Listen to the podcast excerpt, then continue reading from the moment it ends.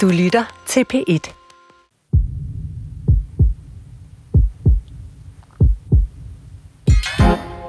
Det er blevet tid til at lytte til Sygt Nok, P1's program om sundhed, helbred, sygdom og ja, sommetider også død. Og jeg vil med det samme afsløre, at den kommende lille time bliver helt anderledes end normalt på Sygt Nok. Vi gemmer nemlig graferne, statistikken og de sundhedsvidenskabelige nyheder væk og går i stedet til konsultation hos kunsten. Her i programmet der tager jeg emner op, som dækker hele spektret af sundhed og helbred. Fra livets solopgang og den forårskåde ungdom, indtil alderens skumringsmørke gradvist sænker sig, og det er blevet tid til at vandre ind i natten. Men jeg kan lige så godt sige det, som det er. Når jeg selv skal forstå, hvad sygdom og sundhed egentlig betyder, altså for de patienter, jeg møder i mit arbejde som læge, og for mig selv og min familie ikke mindst, ja, så får jeg altså langt mere ud af at gå en tur på museum, end at tærpe store lærebøger.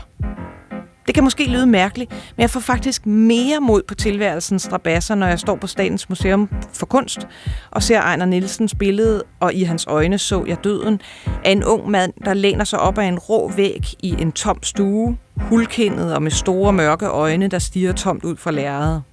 Eller L.A. Rings aften, hvor manden med leen svæver over en gammel udmattet bondekone ved vejsiden. Måske handler det om, at symptomer, svækkelse, sorg og frygt for at miste ikke er noget nyt, som kun jeg og mine patienter oplever, men at mennesker til enhver tid har oplevet noget lignende. Måske handler det om noget helt andet. Det kan mine to gæster i dag forhåbentligvis øh, hjælpe mig med at svare på. Jeg spørger dem, om billedkunsten kan give os et sprog til bedre at forstå sundhed og sygdom, end naturvidenskabens kolde facts kan. Mit navn er Maja Thiele. Velkommen til Sygt Nok, kunsttema. Og med det, velkommen til mine gæster i denne særudgave af Sygt Nok, hvor vi ganger billedkunsten med sundhedsvidenskaben. Begge gæster er aktuelle med udstillinger om sygdom, videnskab og død. Det er nemlig Mette Bø Jensen, museumsinspektør på Skagens Kunstmuseer, øh, som er aktuel med sygdommen Englens Kys, syge piger i nordisk kunst, der lige nu udstilles på den hirsprungske samling, og som tidligere har været på Skagens Kunstmuseer. Velkommen til dig, Mette. Tak skal du have. Og Adam Benkart, lektor på Medicinsk Museum, øh, som er aktuel med Verden af Ida, en udstilling på Kunsthal Charlottenborg i København, øh, som Medicinsk Museum, Museum har kurateret os. Velkommen til dig, Adam. Tak. Øh, begge de her øh, udstillinger har fået altså, rigtig, rigtig flot omtale og, og har også gode besøgstal, øh, mig bekendt.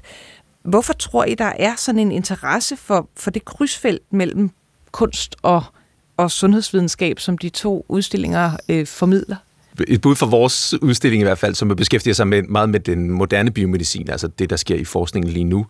Jeg tror, mange mennesker fornemmer, at den klassiske medicin, som den udviklede sig gennem det 20. århundrede, og dens lidt maskinelle forestilling om kroppen, er i stigende grad til forhandling i forhold til den måde, vi er syge på i dag, som ikke passer helt så godt til, øh, der er, hvad er det for en del af dig, der er gået i stykker, lad os fikse den Øhm, øh, diabetes, autoimmunsygdomme, angst, stress, hjertekarsygdomme, øh, cancer, øh, kroniske smerter, mavelidelser og alt sådan noget. Så der er noget i vores forestilling om krop og sygdom og sundhed, som er under for, altså forandring lige i øjeblikket. Og derfor så er det noget, vi er optaget af og gerne vil se øh, refleksion refleksioner over og diskutere. Så, så, så hvad er det for, hvad kan man sige, hvad er det for spørgsmål, jeres udstilling stiller, Adam? For eksempel al den mikro, øh, mikrobielle forskning, der er kommet de sidste 10 år, som viser, at der bor et kilo mikroorganismer i dine tarme. Ikke? Verden er i dig helt bogstaveligt. Det er ikke en metafor eller noget hippie noget. Det er et kilo stof, der lever i dig. Ikke? Øh, det handler om kronobiologi, den måde, som vores celler registrerer planetens bevægelser og tiden. Det handler om øh, epigenetik, om hvordan vores øh, oplevelser og miljøer trænger ind og danner den måde, vores, øh, vores gener bliver udtrykt på. Og øh, Mette øh, Bø Jensen, jeres udstilling er jo mere altså, lejret i sådan øh, 1800-tallet, den sidste halvdel, og, og, og nok vel egentlig mere på sådan sygdom end, end, øh, en øh, verden af Ida-udstilling på, på Charlottenborg. Hvad er, det, hvad er det, tror du, hos jer, som, som vækker genklang hos en sådan moderne øh, museumsgæst? Jamen altså for det første, så er jeg jo helt vild med 1800-tallet, fordi at øh, mange, mange af de ting, der sker i 1800-tallet, øh, synes jeg, man kan se på en eller anden måde bliver recirkuleret her i dag. Altså, og det gælder også det her med at være syg, og det gælder helt banalt alle de her ting, jeg har oplevet, man har sagt, man skulle gøre under corona, altså lufte ud og sørge for, at solen kommer ind og komme ud og bevæge sig. Alle de der ting er sådan set nøjagtigt de samme øh, råd, som man også gav på i 1800-tallet. Øhm, og grunden til, at jeg tror, at øh, billedkunsten og også billedkunst fra 1800-tallet kan sige os noget i dag, det er, at alting handler jo ikke kun om en diagnose. Altså øhm, det her med, at hvis du giver en, for eksempel et billede af en syg pige, en diagnose og siger, jamen det er en syg pige med øh, tuberkulose, så er det på en eller anden måde også med til at afslutte fortællingen, eller rettere kan man sige, udstikke en bestemt øh, fortælling for beskueren. Men hvis du derimod øh, lader være med at give de her værker en titel, som det jo ofte er, eller stort set altid er tilfældet, jamen så åbner du fortællingen op, og man kan måske bedre spejle sig i de her værker.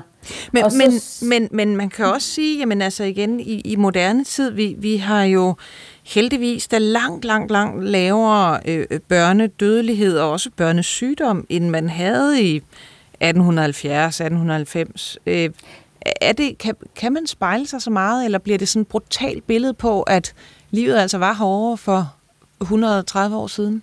Jeg synes godt, man kan spejle sig, fordi øh, børnedødeligheden vil jeg også lige sige, nu har vi ikke i udstillingen valgt, i hvert fald ikke i formidlingen af den, at beskæftige os så meget med statistikker og grafer og, og alle de der ting, du, du nævnte i starten, altså det statistiske side af det, men mere med det, det her følelsesfulde, altså hvad er det, for nogle følelser, de her øh, værker, de øh, vækker hos beskuerne, også øh, vagte dengang.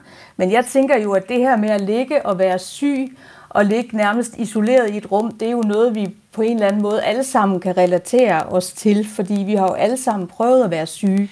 Jeg nævnte sådan indledningsvis, at nu jeg arbejder jo også som læge og, og møder altså kvæg mit arbejde mange forskellige mennesker, som, som oplever sygdom og som oplever øh, øh, svær og alvorlig sygdom øh, tæt inde på livet øh, hver dag. Og det og igen, nu snakker jeg udelukkende altså af personlig erfaring. Jeg, jeg kan rent faktisk godt lide at, og, øh, at gå på museer og opsøge den her type øh, billeder. Øh, og egentlig kunne jeg tænke mig at spørge jer, altså, er det mig, der er morbid, eller, eller er, der en, er der en mening med galskaben? Altså, er, det, er jeg ikke den eneste, som føler, at det giver en eller anden form for forståelse af, at menneskelig lidelse har altså eksisteret til alle tider, og der kan være en form for, for trøst i, i det?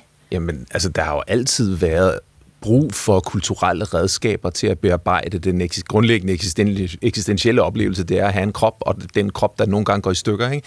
eller som, som, øh, som bliver syg. Så derfor, øh, jeg tror ikke, der findes en kultur, der ikke har redskaber lige præcis til det. Og måske kan man sige, en af de årsager til, at folk er optaget af det i dag, er, at der måske har været en svækkelse af nogle af de der kulturelle redskaber, som ellers tidligere har, har fyldt rigtig meget i, i den fælles kultur. Altså man har haft både sociale, kulturelle foranstaltninger til at bearbejde sorg og sygdom. Der har vi måske været lidt dårligere til i, i, i en periode op igennem det 20. århundrede, så måske er vi også ved at genopdage nogle af de der redskaber og sige, faktisk er der brug for, at vi fælles kulturelt har nogle, øh, nogle historier, nogle fortællinger, nogle billeder, noget, der printer sig ind, noget, som vi kan tage med og lave historier om os selv om, og vores eget liv og bruge til at forstå det med. Øh, hvad siger du, øh, Mette Bøg, altså når, når Edvard Munch han, han maler et billede af en, en syg pige med sådan rødt hår, der sidder temmelig indsunkne øjne og vender hovedet sådan lidt væk fra beskueren og altså vidderligt ser ud til at, at være lidende. Når det får så meget succes, øh, som det gjorde det med på udstillingen øh, i, i, sin, øh, hvad kan man sige, i sin samtid. Er det udtryk for, at man brugte den type billeder øh, dengang sådan terapeutisk? Mm, nej, det tror jeg ikke, man som sådan har gjort, i hvert fald ikke så bevidst. Altså, kunstnerne har jo haft forskellige øh, bevæggrunde for at male de her værker. For Munchs vedkommende var det jo hans søster, Sofie, så han havde en meget personlig årsag til at male det her værk, men det var ikke en del af historien da han udstillede billedet første gang. Og det var netop en af de billeder, hvor publikum anmelderne var mere optaget af, at, at de synes det var et frygteligt billede, fordi det jo i virkeligheden er meget moderne malet. Men motivet synes de egentlig var bevægende nok, øh, skriver flere af dem. Altså det har jo vagt en enorm genklang hos øh, publikum dengang, fordi ja, man var mere syg, man var syg i længere tid, øh, og mange har nok haft, øh, jo haft en oplevelse med sygdom og også død, fordi man havde ikke antibiotika, man havde ikke alt det medicin, man har i dag, og de måder at kurere på, og så var folk jo også syge derhjemme. Man kom ikke på hospitalet i samme omfang, som man gør i dag. Så på den måde har det også vagt en genklang hos, hos folk, øh, og selvfølgelig også vagt nogle følelser hos dem, når de har set det her værk. Men, men, men igen, var det, altså, når malerne så valgte at, at male syge piger, altså jeg mener, udstillingen er fyldt med eksempler på, på, på hulkindede øh, piger, der sådan stiger ud i luften, øh, og, og, og ligger i sengen, eller sådan øh, i en lænestol op af en, en stor pude. Øh, hvorfor, altså, hvorfor gjorde man det? Jamen, de har jo haft forskellige bevæggrunde for at gøre det, og, og det vi også kan se, det er, at det er jo ikke kun i, i Norden, kunstnerne øh, maler syge piger, det er sådan set i hele Europa og, og i øh, USA gør de det også. Jamen, jeg, altså, de har jo gjort det, fordi man kan sige, på en eller anden måde har det jo også, de, man malede jo meget de ting, også skyggesiderne af samfundet på det tidspunkt, de her naturalistiske kunstnere, der gerne ville male øh, meget sådan banalt sagt virkeligheden, som den, øh, den så ud, og det var selvfølgelig, her var sygdom, spillede det jo også en rolle at vise samfundets skyggesider. Så på den måde har de jo også været øh, fascineret af det, og de har selvfølgelig set hinandens værker rundt omkring, og også være blevet inspireret af det. Øh, så øh, det er min teori. En del, en, en side af det, at de har valgt det, og så er min teori jo også, at den her figur, den syge pige, jo ikke bare har vagt nogle personlige følelser, men det også har været sådan en samfundsfigur, fordi man var meget optaget i tiden af øh, pigen som den her bærer af fremtiden. Altså det var hende, der skulle føde de øh, kommende generationer, og hvis hun var syg, så kan man sige, så var hele nationens øh, fremtid, så at sige, på, på spil. Øhm, og det var man meget optaget af i tiden i hvert fald. Øhm, ikke kun blandt kunstnere, men også i, altså i samfundsdebatten i det hele taget. Jeg kan måske komme med et eksempel fra vores udstilling på, på en relateret måde forsøge at gøre noget, som ellers tit kan være privat eller personligt. Øh, et værk af en amerikansk kunstner, som hedder Kathy High, og værket hedder The Landscape of Lost Microbes og det består af fotografier af seks petriskåle, sådan nogle store farverige fotografier, øh, og petriskålen er delt i to dele. Kunstneren har samarbejdet med en mikrobiolog, og så har de taget afføringsprøver for henholdsvis hende og ham. Hendes på den ene side er, er hver de her øh, petriskåler, hans på den anden side. Og det man kan se, når man kigger efter, det er, at på hendes side af den her petriskål, der er der næsten ikke noget vækst. Øhm, og det er fordi, at hun lider af Crohns, øh, morbus Crohn, som er en, en, en kronisk øh, infektion i tarmene, øh, som er et af det der kompleks af, af tarmlidelser, som rigtig, rigtig mange mennesker lider af i øjeblikket. Og så får man pludselig noget, som ellers er meget privat og, og, øh, og ligesom svært at registrere, udmøntret i sådan en, et, i et meget levende billede, en form for visuel registrering af et fravær af liv, som er problemet. Ikke?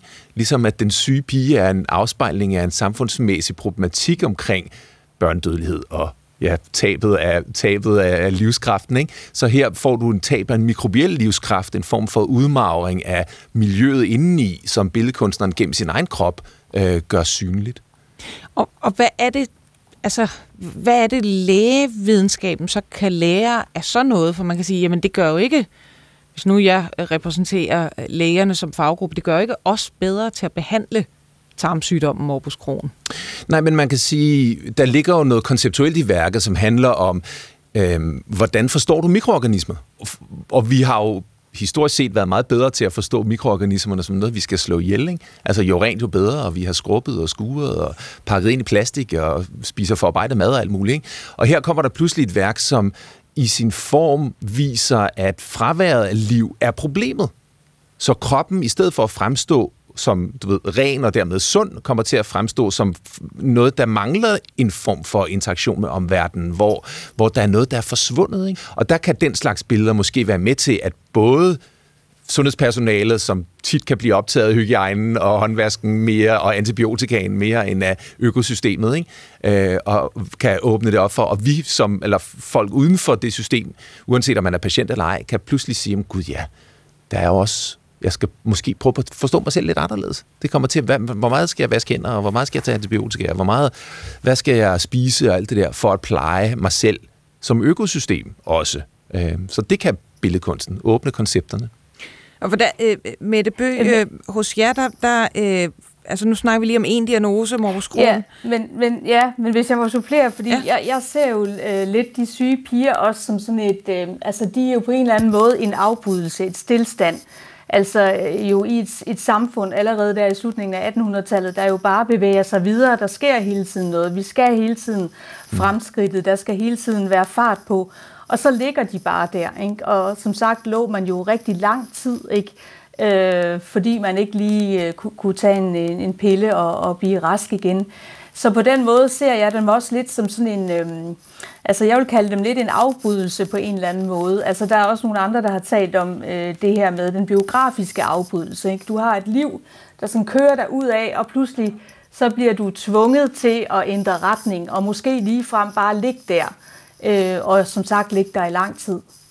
Jeg havde min, øh, min syvårige datter øh, med inden og se øh, den her udstilling Englands øh, kys om syge piger i nordisk kunst. Og jeg, min tanke var egentlig, at nu vil jeg prøve at vise hende lidt om, øh, hvordan livet kunne være se ud altså i 1800-tallet, og, og at, øh, at man, ja, man levede anderledes, og, og måske også levede lidt farligt, og det, jeg ved, jeg havde også håbet at kunne vise nogle af de danske sådan, øh, kunstneriske mesterværker, og jeg må bare sige, altså, øh, hun blev virkelig chokeret det, det var virkelig brutalt øh, for hende at se de der syge piger.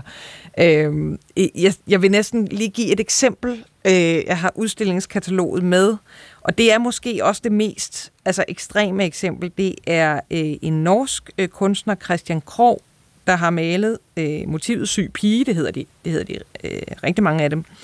Øh, det er en ja, hvad skal vi sige, med det 10-årige pige måske? Måske er hun lidt ældre, sådan lige før puberteten vil ja, jeg ja. anslå hende. Og hun sidder i sådan en, en klassisk hvid bundeskjorte, ikke? Med, med en halskrave og, og har lyst hår, sådan ret meget sirligt i, i sideskilning. Og så sidder hun i en stor lænestol og har en stor hvid pude øh, bagpå, og sådan et tæppe godt op om maven, øh, foldede hænder, en lille rose øh, på tæppet. Øh, og så øh, vil jeg sige, det mest karakteristiske, karakteristiske, det er, at hun sidder så altså, med sådan en temmelig mut udtryk og stiger direkte øh, på tilskueren. Altså store sådan mørke øjne, lidt, lidt mørke rande under øjnene, øh, og så det der blik, der bare ufravigeligt stiger på tilskueren. Det er altså, og, og, og billedet er beskåret sådan meget tæt, altså man, der er intet andet rum, man ser.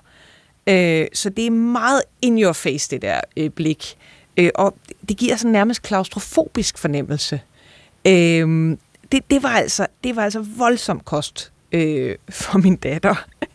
øh, kan, kan du forstå det? Altså, har, er det brutalt nu, såvel som dengang, øh, med Bøg Jensen, at se de billeder? Ja, det kan det jo godt være, og i hvert fald det her billede, og det er jo også det, der gør det så fantastisk, at selvom det er malet i 1881, så kan det stadigvæk ramme, øh, ramme dig som beskuer. Altså det første, jeg øh, lagde mærke til ved det billede, da jeg så det øh, første gang for mange, mange år siden, det var bortset fra hendes blik, så var det det der mangel på luft. Og så hendes meget døde hænder med den her visne rose. Og det er jo sådan helt klassisk, at man sammenlignede pigerne med blomster, og der er jo mange, i mange af de her billeder, der går, går blomsterne jo igen. Ikke? Så, så jo, jeg kan godt forstå, at din, din datter er blevet skræmt af hende, fordi hun simpelthen hun sidder der og kigger på dig, øhm, og nogen vil måske opfatte hendes blik som bedende, at man skal komme og hjælpe hende, og andre som afklaret med, at hun godt ved, at hun måske ikke har særlig langt igen. Hvad, hvad, er det der, ja, hvad er det for en historie, så, som maleren fortæller med sådan et billede? Ja, altså øh, faktisk så har det været meget svært for mig i min forskning at finde ud af, hvorfor kunstnerne malede de her billeder. Altså du kan ikke rigtig finde så mange breve, hvor, du, hvor de beskriver, øh, hvorfor de lige valgte at male det her motiv. Så det er jo baseret på, øh, på kan man sige, gætværk, ikke? efter bedste overbevisning. Ikke? Og når man ser på, hvad de så, de få af dem har, har fortalt. Men historien om Christian Krog er i hvert fald, at han selv mistede en søster, og at det angiveligt skulle have inspireret ham til at male det her billede, men man ved det faktisk ikke. Øh, og det er også et af de mest øh, brutale billeder, kan man sige, af de her syge piger, der findes, fordi hun netop ser så syg ud, som hun gør. Jeg, jeg tror også altså helt grundlæggende, at, og det er jo også vores erfaring som Medicinhistorisk Museum, øh, øh, at, at øh, genstanden, både historiske genstande og afbildninger af sygdom og død og sådan noget, det har en form for indlevelseskraft. Det har det. Altså, vi ved af erfaring, at, at uh, der er nogen, der besvimer en gang om ugen eller sådan noget inde hos os. Og det, det, det er ikke, fordi vi gør noget ud af at gøre det uhyggeligt på nogen som helst måder, men, men der er der sker en eller anden form for en investering i Altså, lægger du et amputationssæt i en montre og slår det op, og der står en...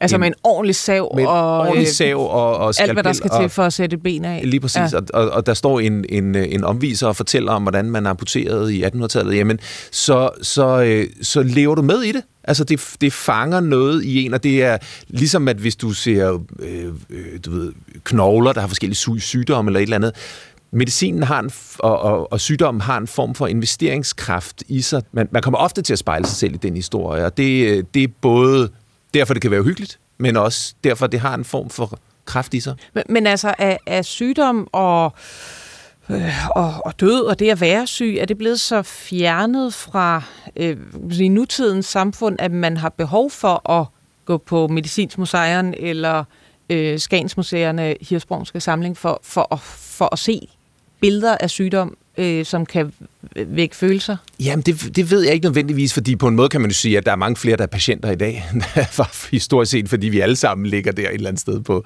på spektrummet, eller hvor man nu er. Ikke? Men, men, øh, men måske har vi haft en historisk udvikling, der har skubbet mere af de her billeder over i et medicinsk regi, hvor der har været mindre adgang til den almindelige borger.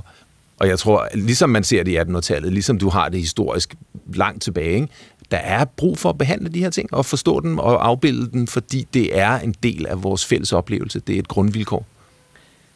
Mette øh, Bøge Jensen, altså har, har, øh, har sundhedsvidenskaben mere brug for kunsten end omvendt?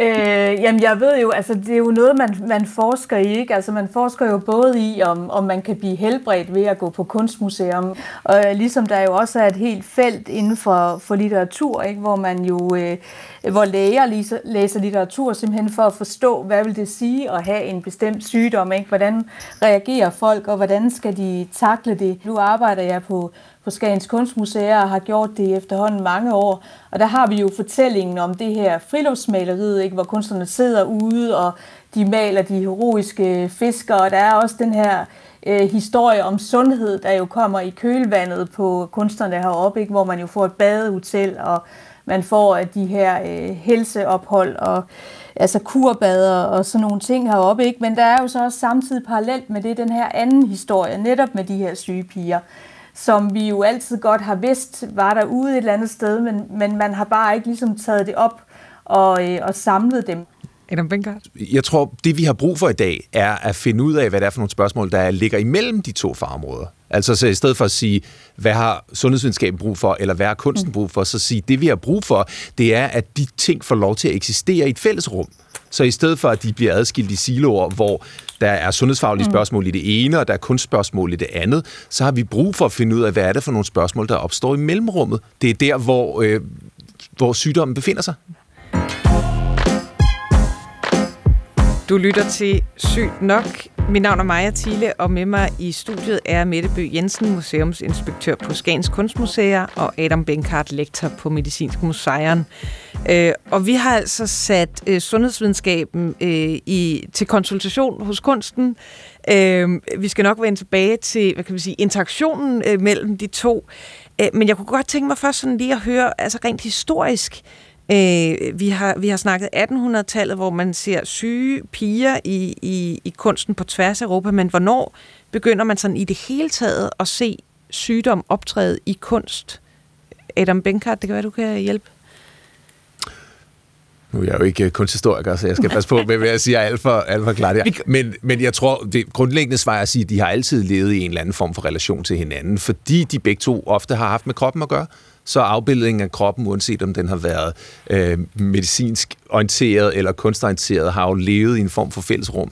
Øh, så, så derfor har der altid været, om det er Leonardo eller, eller øh, øh hvad hedder senere anatomer, som, som bevæger sig ind og udnytter kunstnere, eller om det er voksmulager, som er med afbilleder af sygdom, men som samtidig har et lag af kunstfærdighed i sig og sådan noget, så er der en form for tilbagevendende relation mellem de der to farveområder, som ofte cirkler rundt omkring kroppen. Hvad siger du, Mette øh, Bøge Jensen? Ja, det, ja, det er fuldstændig korrekt. Altså, kunst, altså, du har altid set sygdom afbildet i kunsten, men ellers øh, så ser du jo også øh, sygdomme som øh, den sorte død, altså pest gengivet, og øh, spedalskhed øh, ser du også. Øh, og så er der jo et helt kapitel for sig med de her mentale sygdomme, som der også er mange kunstnere, der der gen, øh, gengiver, ikke ofte på bestilling af netop læger, øh, der gerne vil studere øh, Øh, studere de her sygdomme nærmere, og så beder nogle kunstnere om at male dem. Så der har jo altid været det her overlap øh, mellem medicin og, og, og kunst. Men øh, den syge pige dukker først sådan rigtigt op i 1600-tallets hollandske kunst, og så er der faktisk en pause på sådan en små 100 år, før hun i begyndelsen af 1800-tallet dukker frem igen. Øh, og, og hvis vi lige holder lidt fast i, i, i øh, den syge pige, så øh, var noget altså helt konkret, der slog mig, øh, da jeg gik rundt på, øh, på udstillingen, var, at det var altså, næsten bortset fra det her ene maleri af, af Christian Krog, som vi har øh, nævnt før, hvor pigen kigger direkte ind i, hvad kan man sige, eller direkte ud på beskueren, så har de næsten alle sammen drejet hovedet. Hvad er der lige med det? Altså, hvorfor, hvorfor skal man dreje hovedet væk? Ja, men det skal man jo, fordi så øh, kan du måske bedre som beskuer stå og kigge på dem. Altså så bliver du ikke afsløret som den her, hvor Jørge du jo i virkeligheden er, ikke? når de står og, eller når de ligger i deres seng måske og læser i en bog, eller ligger og kigger ud af det vindue, du måske ikke kan se, øh, så er det nemmere for dig som beskuer at, at stå og kigge på dem. Øh, øh, ja, frem for når de kigger på dig, så bliver du ligesom afsløret, hov, øh, der er noget, der kigger tilbage på mig her. Nå, for så, øh, ja, så det er i virkeligheden altså for, for, for hvor Jørgens øh, øh, tilskuerens skyld. Jeg, jeg troede, at det havde et eller andet at gøre med, du ved, uskylden, når man måtte vende hovedet væk fra, fra sygdommen, eller, eller hvad ved jeg. Men, men Nej, det, man kan jo for at beskytte alle andre. I det, de jo vender hovedet væk, i virkeligheden er det jo, som du også siger, meget ubehageligt at blive mødt af blikket hos Christian Krogs syge pige. Ikke? Altså hun stiger tilbage på dig, Øh, hun bliver bare ved med at stige, stige lige meget, hvordan du bevæger dig frem og tilbage for en billede. Ikke? Men du kan bedre stå og kigge, og kigge sådan på alle detaljer i billedet, hvis du ikke selv mødes af et blik. Jeg, jeg synes, det er interessant, når man ser på afbildninger af sygdom, altså i 1800-tallet og, og, og tidligere, at øh, man også fra malerens side er, er i, i et vist omfang tilbageholdende fra at vise sygdommen i dens egentlige fysiologiske udfoldelse. Ikke? Altså hvis, der er ikke så mange malerier af folk, der dør kolera, eller du ved. Altså, der er ligesom øh, en, der, der er også sådan en vis tilbageholdenhed over for, hvor voldsomme mange af de der sygdomme var. Jeg kan huske, øh, et af mine store museumsbesøg, det var på en... en Kolera, der tænker du vel, det er fordi, at der har man så voldsom diarré, at man altså nærmest... Ja, ja altså, og, og du ved, hænderne ja. bliver tørre ud. Men et af mine store museumsbesøg, det var på en medicinstor samling, som hedder Musée de Moulage, som ligger i Paris, som er samling af hudsygdomme i voks. Så det er et kæmpe, kæmpe stort rum, fyldt med, med og lavet i 1800-tallet, ikke? Øh, fyldt med alle de store lidelser, som afsætter sig på huden, altså alt fra syfilis til skørbu til, til jamen, altså, der, der er ikke dem, der ikke er med, ikke? Og det er udført i de mest konfærdige voks. Øh, og, og, og voks har sådan en, en, en livlighed i sig, som, som, som der ikke er så mange materialer, der har, fordi det er sådan lidt organisk. Øh, og, og der ser man altså en grad af øh, kropslig øh, Mm, altså, jeg vil sige malerisk, men det var ikke det helt rigtige ord i den her sammenhæng, men altså virkelig, virkelig udpenslet lidelse, ikke? Øh, hvor, hvor, hvor malerkunsten historisk set jo har også har haft en anden side i sig. Altså, der har også været nogle malerskole interne diskussioner om, hvordan man malede, og der har været en idé om det skønne motiv og sådan noget. Ikke? Så derfor er der sådan en, en øh, frem og tilbage virkning mellem den måde, malerkunsten har, har skulle have et motiv, som, som den skulle afbilde med en vis grusomhed i sig, men samtidig en tilbageholdenhed over for, hvordan sygdom rent faktisk også ser ud. Ja, for ikke? det du beskriver der, det er jo vel egentlig mere sådan et, altså et leksikon over hudsygdomme, som ikke nødvendigvis er er ment som mm. kunst, hvorimod man kan sige, det den, den udstilling, vi snakker om her med Englands øh, kys om de, om de syge piger i nordisk kunst, der, der bliver der jo netop ikke nævnt Nej. diagnoser, altså selvom man man, så kan mm. man et enkelt sted læse om difteri, og der står også lidt om, om tuberkulose, men det bliver jo ikke udpenslet, hvad de er syge af. Jamen det, det, det, det, det der sjove balance mm. mellem, hvad er det for en slags spørgsmål, man stiller, ikke? Hvad tror mm. du, øh, Mette Bøh? Men, Ja, men dels er det jo, altså sådan helt banalt, har der jo også været nogle praktiske årsager til, fordi jeg, jeg, jeg har ikke beskæftiget mig så meget med sygdom i andre, andre århundreder, men jeg har alligevel kigget lidt tilbage, Øh, og der, der kan jeg huske det der med, at der ikke findes så mange afbildninger, eksempelvis af pesten. Altså der findes nogle få, men ikke, ikke ret mange. Det har jo også nogle praktiske årsager i, jamen det var simpelthen for farligt, folk var for syge, man turde ikke at være i nærheden af det, altså som kunstner. Ja. Så, så i hvert fald, hvis man skulle hen og studere de her sygdomme tæt på, så var det jo med, med, med livet som indsats. Og så tænker jeg jo også igen, at der har været, fordi det er fuldstændig rigtigt, at øh, de, de syge piger, vi ser i 1800-tallet, de er ret meget dækket til. Altså som regel er det faktisk kun deres ansigt og hænder, øh, vi kan se. Så det er ligesom de to sygdomsmarkører, der er i de her værker. Det er ansigtet øh, og hænderne, og så er der selvfølgelig noget med de her rekvisitter, der er i, i det rum, det interiør, de befinder sig i, som kan være med til at fortælle os som beskuer, åh, oh, det må være en syg pige, der er det tale om, hvis vi skulle være i tvivl om det. Fordi nogle af dem ser jo ikke specielt syge ud. Altså, det har ikke været så interessant, om det lige netop var den ene eller den anden sygdom, de her piger skulle øh, enten fremstille, eller som de faktisk led af, hvis der var tale om en, en rigtig syg pige, som, øh, som de malede.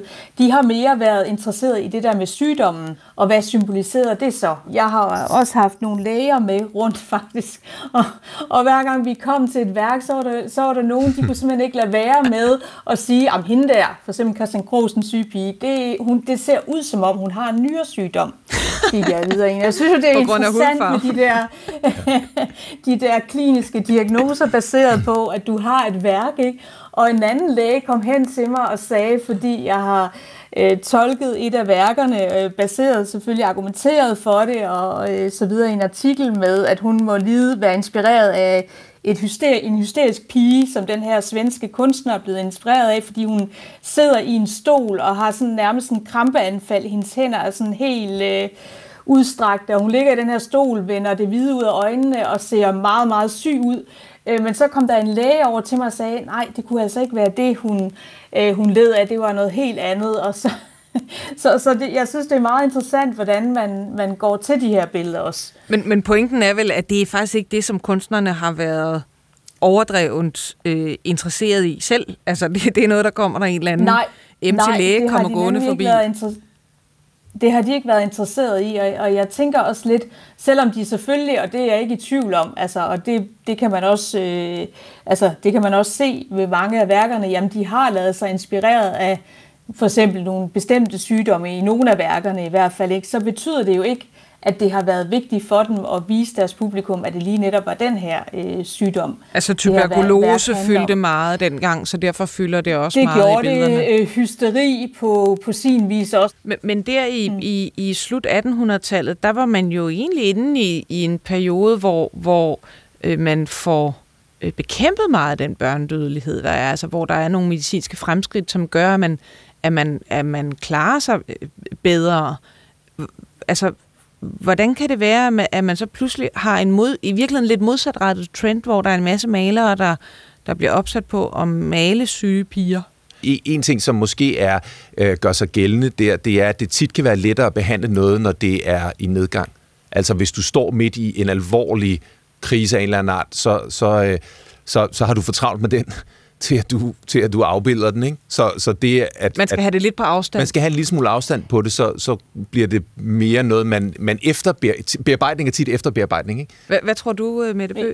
Jamen, man kan jo også sige, at øh, der sker jo også noget med opfattelsen af barnet. Jeg tror allerede i slut 1700-tallet, så begynder barnet jo at få en helt anden værdi, end det har haft tidligere. Altså forstå mig ret, altså det der med, at, at at pludselig så bliver man optaget af, når jamen, barnet er et væsen i sig selv, og det skal behandles og opdrages på en, øh, en bestemt måde. Og det er jo selvfølgelig noget, der fortsætter ind i, øh, i 1800-tallet. Og det er ganske rigtigt, som, som Adam også siger, jamen faktisk øh, falder børnedødeligheden i slutningen af 1800-tallet, men værdien, barnets værdi for den enkelte familie stiger på en eller anden måde også. Så jeg tror, det har jo også altså ramt en altså endnu hårdere. Altså barnet som, som figur har jo, er jo også blevet utrolig vigtig. Øhm, og derfor tror jeg også, at der er flere kunstnere, der begynder også at, at beskæftige sig med det og male de her piger. Det får pludselig en anden betydning.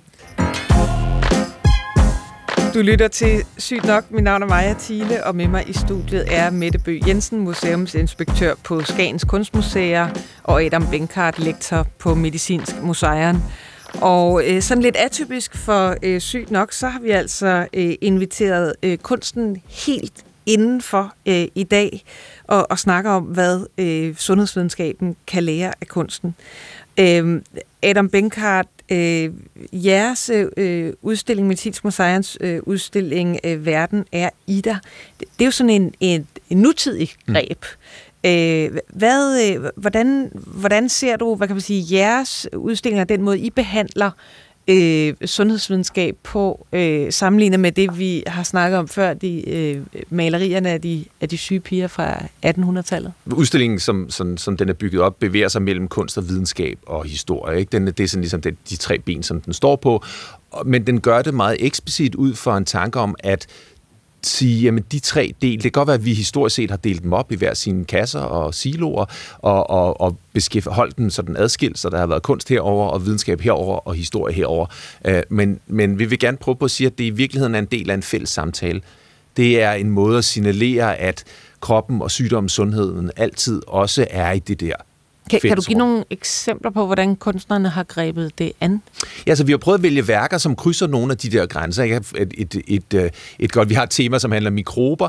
Øh, der har vi et værk med af en koreansk kunstner, som hedder Ji-won Woo, og værket hedder Sun Mat, eller Mother's Hand Taste. Det består af 16 sådan, lysende fotografier af hænder og øh, optagelser af folk, der laver øh, mad, og det har egentlig sådan nogle kulturelle referencer omkring den øh, mad, oftest den mad, ens mor lavede til en. Du ved, en mors frikadeller. Det har mm. en helt særlig smag, som, som kun er hende. Ikke? Men ser man på det begreb i forhold til koreansk mad og i forhold til et mikrobielt perspektiv på mennesket, så bliver håndsmagen pludselig meget mere konkret, fordi rigtig meget af den koreanske mad er fermenteret, og derfor fyldt med aktive mikroorganismer, og når du så laver maden med dine hænder, jamen så putter du ned smag og mikroorganismer fra hænderne ned i maden, så mors frikadeller har en særlig smag, og der er noget... Og det kan være på grund af mors øh, mikrobiom jamen, på håndfladen. Lige præcis, ikke? og det er jo sådan et værk, som det, det har en, det har en, en, øh, det har en kunstnerisk æstetisk del, hvor der er fotografier, og der er det her mærkelige øh, apparatur, hun har lavet, som sådan et apparatur, der er bygget til at kunne udtrække håndsmagen. så hvis du skal flytte til et andet kontinent, eller hvis din mor er, er ved at dø, så kan, du få, så kan du få smagen fra hendes hænder med. Ikke? Øhm, men, men, men samtidig har det også et videnskabeligt lag, fordi hun faktisk har samarbejdet med forskere på fire kontinenter og, og samlet og, og studeret håndmikrobiomet på tre generationer af kvinder for at se, hvad der rent faktisk bliver givet videre på tværs af generationerne. Og så har det et kulturelt historisk lag, fordi det jo handler om den måde, vi lever sammen på, den mad, vi spiser, og den måde, vi giver til hinanden og eksisterer igennem mikroberne også, ikke? Det er jo sådan et ret godt eksempel, synes jeg, på altså kunst, gange, videnskab. Øh, hvad, hvad, altså Mette Bøge Jensen som museumsinspektør, når du hører Adam Benkart fortælle her, hvad, hvad tænker du om, om sådan den her afkrødring øh, mellem øh, kunsten og videnskaben? Jamen, jeg synes jo, det er, det er enormt spændende. Altså, øh, jeg må jo så sige, at øh, jeg lever jo meget i 1800-tallet på en eller anden måde. Så jeg prøver sådan desperat at komme i tanke om nogle eksempler derfra. Øh, og det bliver sådan lidt mere nede på jorden-agtigt. Så man var jo sindssygt optaget af, af videnskab, også i kunsten på det her tidspunkt. Men, men øh, jeg, jeg kommer mere til at tænke på alle de her portrætter af de store læger og videnskabsmænd, ikke, der er portrætteret med deres nyeste... Med deres men, nyeste ja, apparatur, ja. Ja, ja for det er vel noget, det er vel noget, noget, noget det er ganske noget andet, andet, ikke? Ja. Det, det er en udvikling, der jo starter i 1800-tallet, og som var en stor del af det 20. århundrede, handler om den gradvise separering og adskillelse og, og mm. forståelse mm. af verden i, inden for disciplinære fagområder. Altså, mm. hvor, hvor man netop kommer langt ved at dele verden op og sige, der er nogle forskere, der tager sundheden, og de dykker ned i den, og der er nogle kunstnere, som dykker ned i deres praksis og har en form for kunstnerisk silo i godsøjne, som de befinder sig i. Ikke? Men man kan jo også sige, der er jo nogen, i hvert fald i dag, som, som nærmest betragter sundhed som en religion. Altså et andet meget, meget yndet motiv. Kan man ikke nogen gange se, se sådan sundhed øh, sådan nærmest ja, religiøst øh, portrætteret, øh, sådan løftet op på et eller andet niveau, hvor det egentlig ikke rigtig hører til. Altså fra, fra, fra, fra kunstens side er det jo tit, eller i hvert fald i den nye kunst, er det jo tit den anden vej rundt. Ikke? Altså der, der, der er det en form for mere, end at det er en fejring af noget. Så bliver det øh, altså kunstnere, som går ind i laboratoriet og benytter sig af bioteknologiske redskaber, er jo, er jo oftest noget, der bliver gjort for at stille kritiske spørgsmål til den måde, vi forstår sygdom og sundhed, og den måde, som, som bioteknologien øh, interagerer med kroppen med. Altså, der er et rigtig godt eksempel på et værk, som vi dog ikke vi er, et med, vi er med på udstillingen, men som, som er et nyt værk. Det er en, en, øh, en amerikansk biokunstner, som hedder Paul Vanus, der har lavet et værk, der hedder Labor, hvor han har fået syntetiseret, hvad det er for nogle mikroorganismer, der skaber lugten af sved Øh, og så har han opbygget sådan et værk, der består af en t-shirt, sådan en sweatshop t-shirt, og så øh, bioreaktorer, hvor der står og vokser de her mikroorganismer, som, som skaber svedlugten. Så svedlugten bliver bare mere og mere ja, intens. Så, så den vokser mere og mere ud i udstillingsrummet. Ikke? Men, men som jo mere den kritiske perspektiv på, på vores forståelse af sygdom og sundhed, som, som kommer ud af den tradition, der hører meget af det 20. århundrede til, nemlig at kunsten bliver et redskab til kritisk bearbejdelse. Ikke? Øhm, men, men måske det, at vi er at, at vi bliver optaget af den slags ting, er jo fordi der er noget uafklaret omkring sundheden. Når nogen gør det til, at, at nogen gør det til en religion, er jo også en måde, at der er noget skævvredet i vores forhold til det, ikke? Mette, Mette Bøh, nu sagde du, at du levede i 1800-tallet, men jeg vil nu alligevel sige, i, i, i, i sådan øh, øh, optakten til det her program, der sagde du, at det, det var ret interessant at, øh, at se den fokus på unge piger sygdom i dag, ligesom på en eller anden måde gentage sig. Altså, at der, at der er en fokus. Jeg, jeg ved ikke nu, om det er afbildet i kunsten, men trods alt et fokus på jamen, unge kvinder med spiseforstyrrelser eller øh, øh, psykiatriske øh, lidelser, øh, som, som på den ene eller anden, på, på, den ene, på den anden måde er ja, øh, plaget øh, i, i, i nutiden. Ja, altså i dag der har man jo de her trivselsundersøgelser, ikke, hvor man jo taler meget om, altså hvor øh, skole folkeskolebørn skal jo udfylde sådan et schema over deres øh, fysiske og mentale trivsel, mener jeg det er. Øh, og der er jo klart en overvægt af piger, som har det, som, som føler, de har det dårligt. Altså, øh, og, det, og den samme tendens kunne man faktisk se i øh, slutningen af 1800-tallet, hvor der blev lavet nogle af de første skoleundersøgelser. De var meget sådan selektive. Det var en øh, læge, Axel Hertel, der satte det i gang Øh, og han udvalgte nogle øh, skoler omkring København, men hans undersøgelser blev faktisk fuldt op med andre undersøgelser, både i Norge, Sverige og, og Finland. Og de viste stort set alle de samme resultater. Altså ganske vist følte både pigerne og drengene sig syge, men der var stadigvæk flere piger end drenge, der følte sig syge. Og det var typisk lige før puberteten, og når de kom i puberteten, at de begyndte at føle sig syge. Det kunne være hovedpine, ondt i ryggen, men så var der så også den her sygdom, blegsot, som sådan er sådan en kultursygdom, der er øh, forsvundet i dag øh, som en diagnose, der ikke eksisterer. Men karakteristisk for den er, at man sådan føler, at man mister appetitten, man øh, bliver lidt bleg, man føler sig træt, og man har det i det hele taget bare øh, rigtig dårligt. Og der synes jeg jo, det er interessant at se, at, at man sådan set diskuterer lidt det samme i, i dag. Øh, dengang var løsningen sådan, som det ofte var med, med pigerne, når jamen, så må vi skære ned på deres skolearbejde, fordi det må være de her intellektuelle anstrengelser, der gør, at øh, de føler sig syge.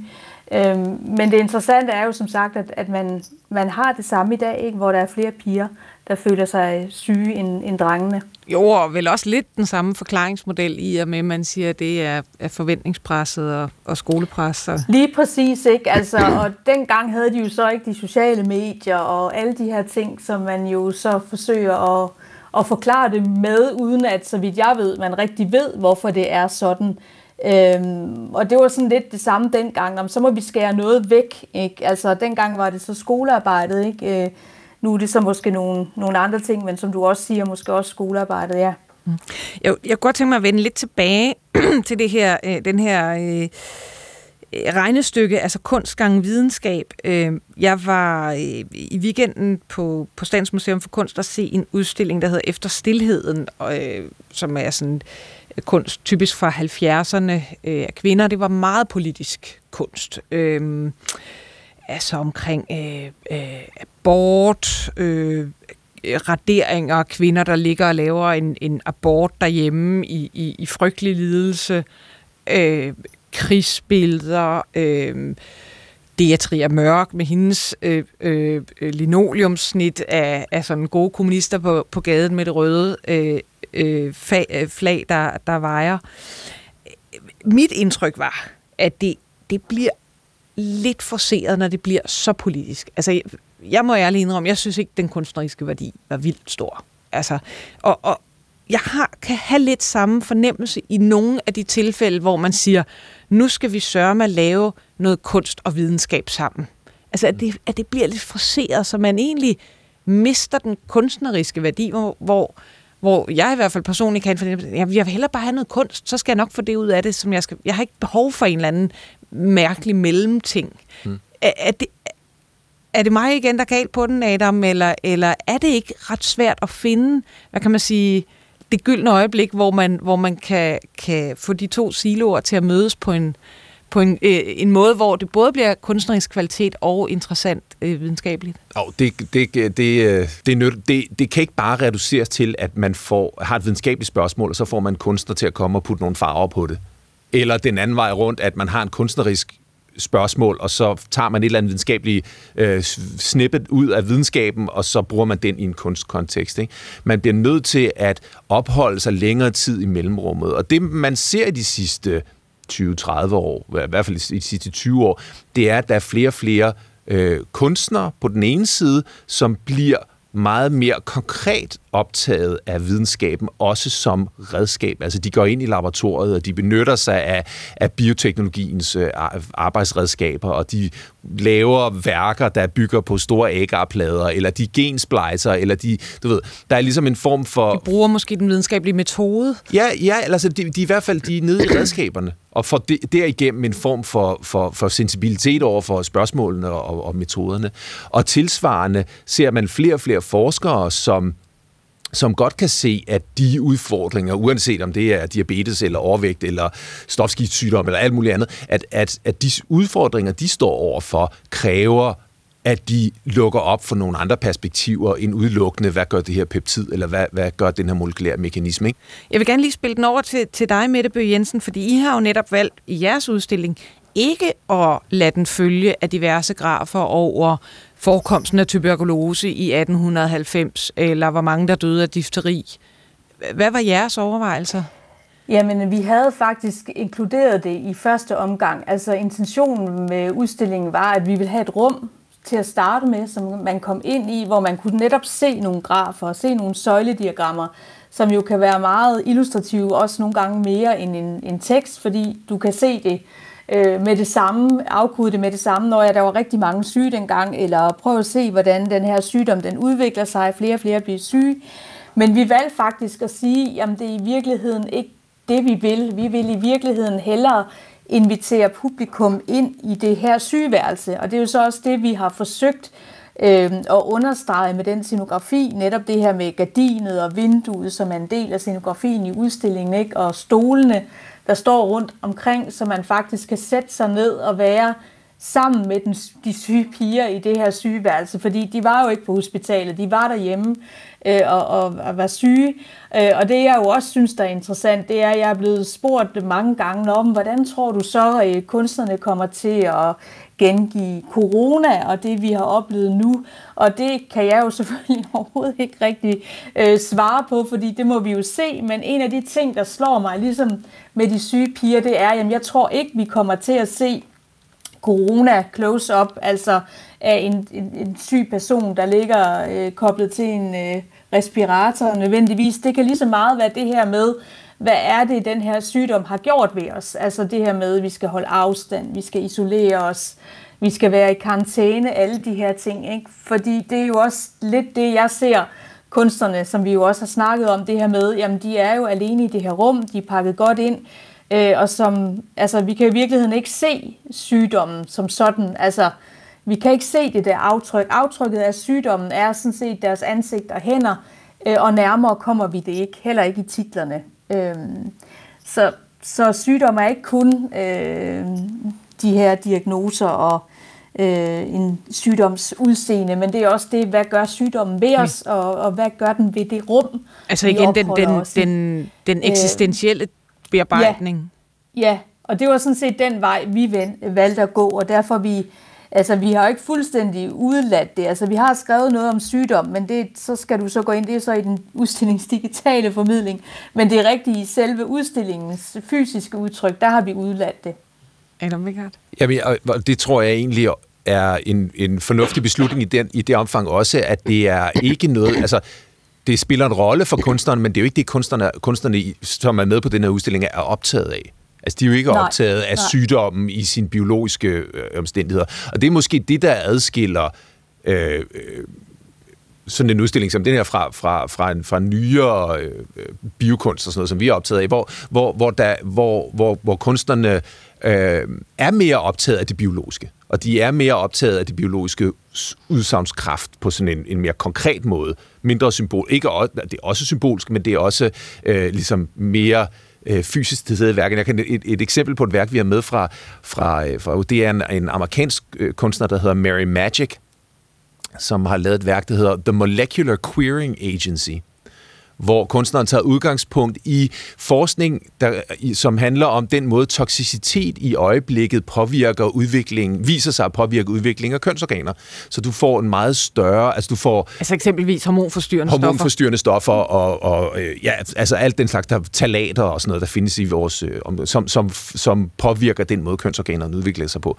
Øh, og så bruger hun det som afsæt til sådan en, en, sådan en queer-tænkning og siger, måske er vi i virkeligheden i gang med en fælles a, a shared mutagenesis, som hun siger. Altså, vi er i gang med at lave om på de kroppe, vi har, ved at vi forurener vores omverden, og det skaber nye kategorier af kroppe, som bryder laver om på den der snævre Hvor man ikke lige kan aflæse ja. Øh, mand, kvinde, køn, klassisk Lige præcis. Du, du får ja. simpelthen flere kroppe, der ikke passer ned i kasserne, og derfor så får du også ud af det nogle andre forestillinger om kroppen. Ikke? Og der er det biologiske pludselig altså, værket er jo oprigtigt optaget af det biologiske og har et afsæt i det. Øh, så bruger det til en form for kulturel bearbejdning også, men det biologiske ligger hele tiden under værket. Det er ikke et afsæt for en symbolstolkning, det er stadigvæk konkret til stede. Ikke? Og det tror jeg måske er, er et af de steder, hvor, hvor, hvor det giver mere mening at blande videnskab og kunst sammen, fordi det er til stede i værket øh, som mere øh, i godsøjne end et afsæt for noget andet.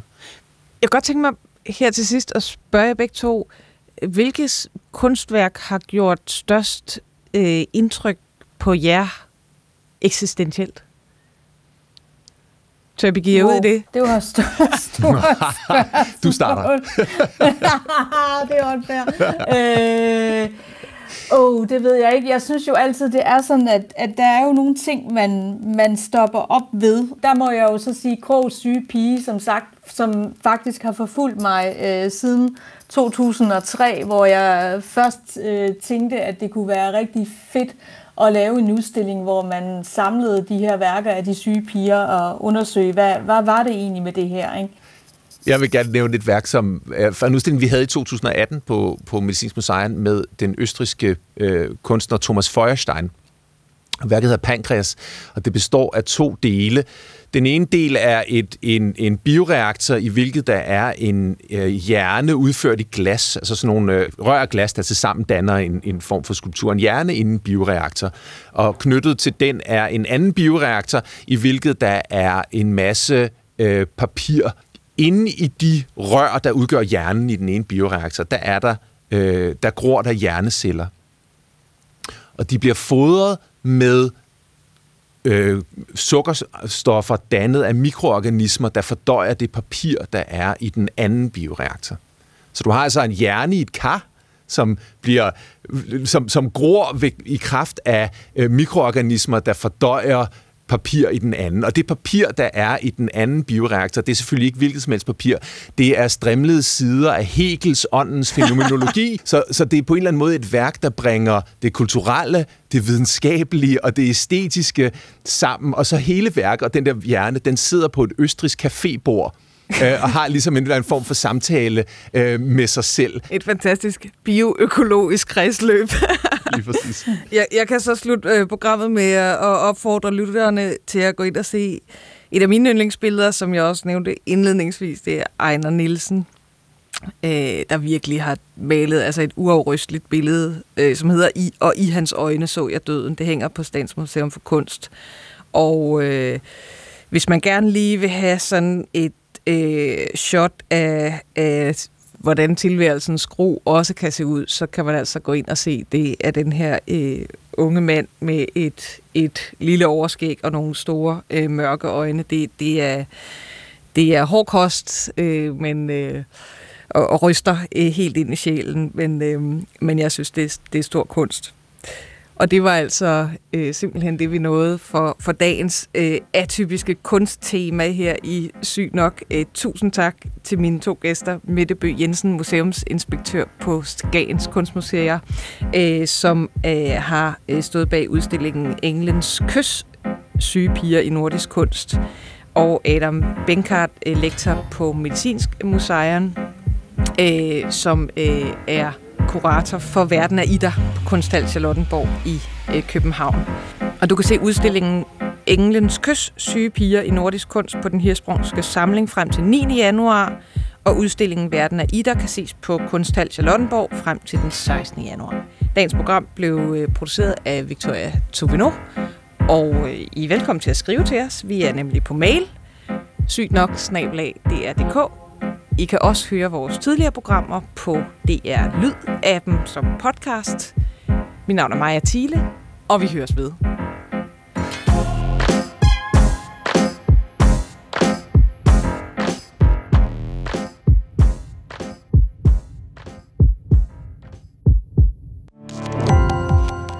Gå på opdagelse i alle DR's podcast og radioprogrammer. I appen DR Lyd.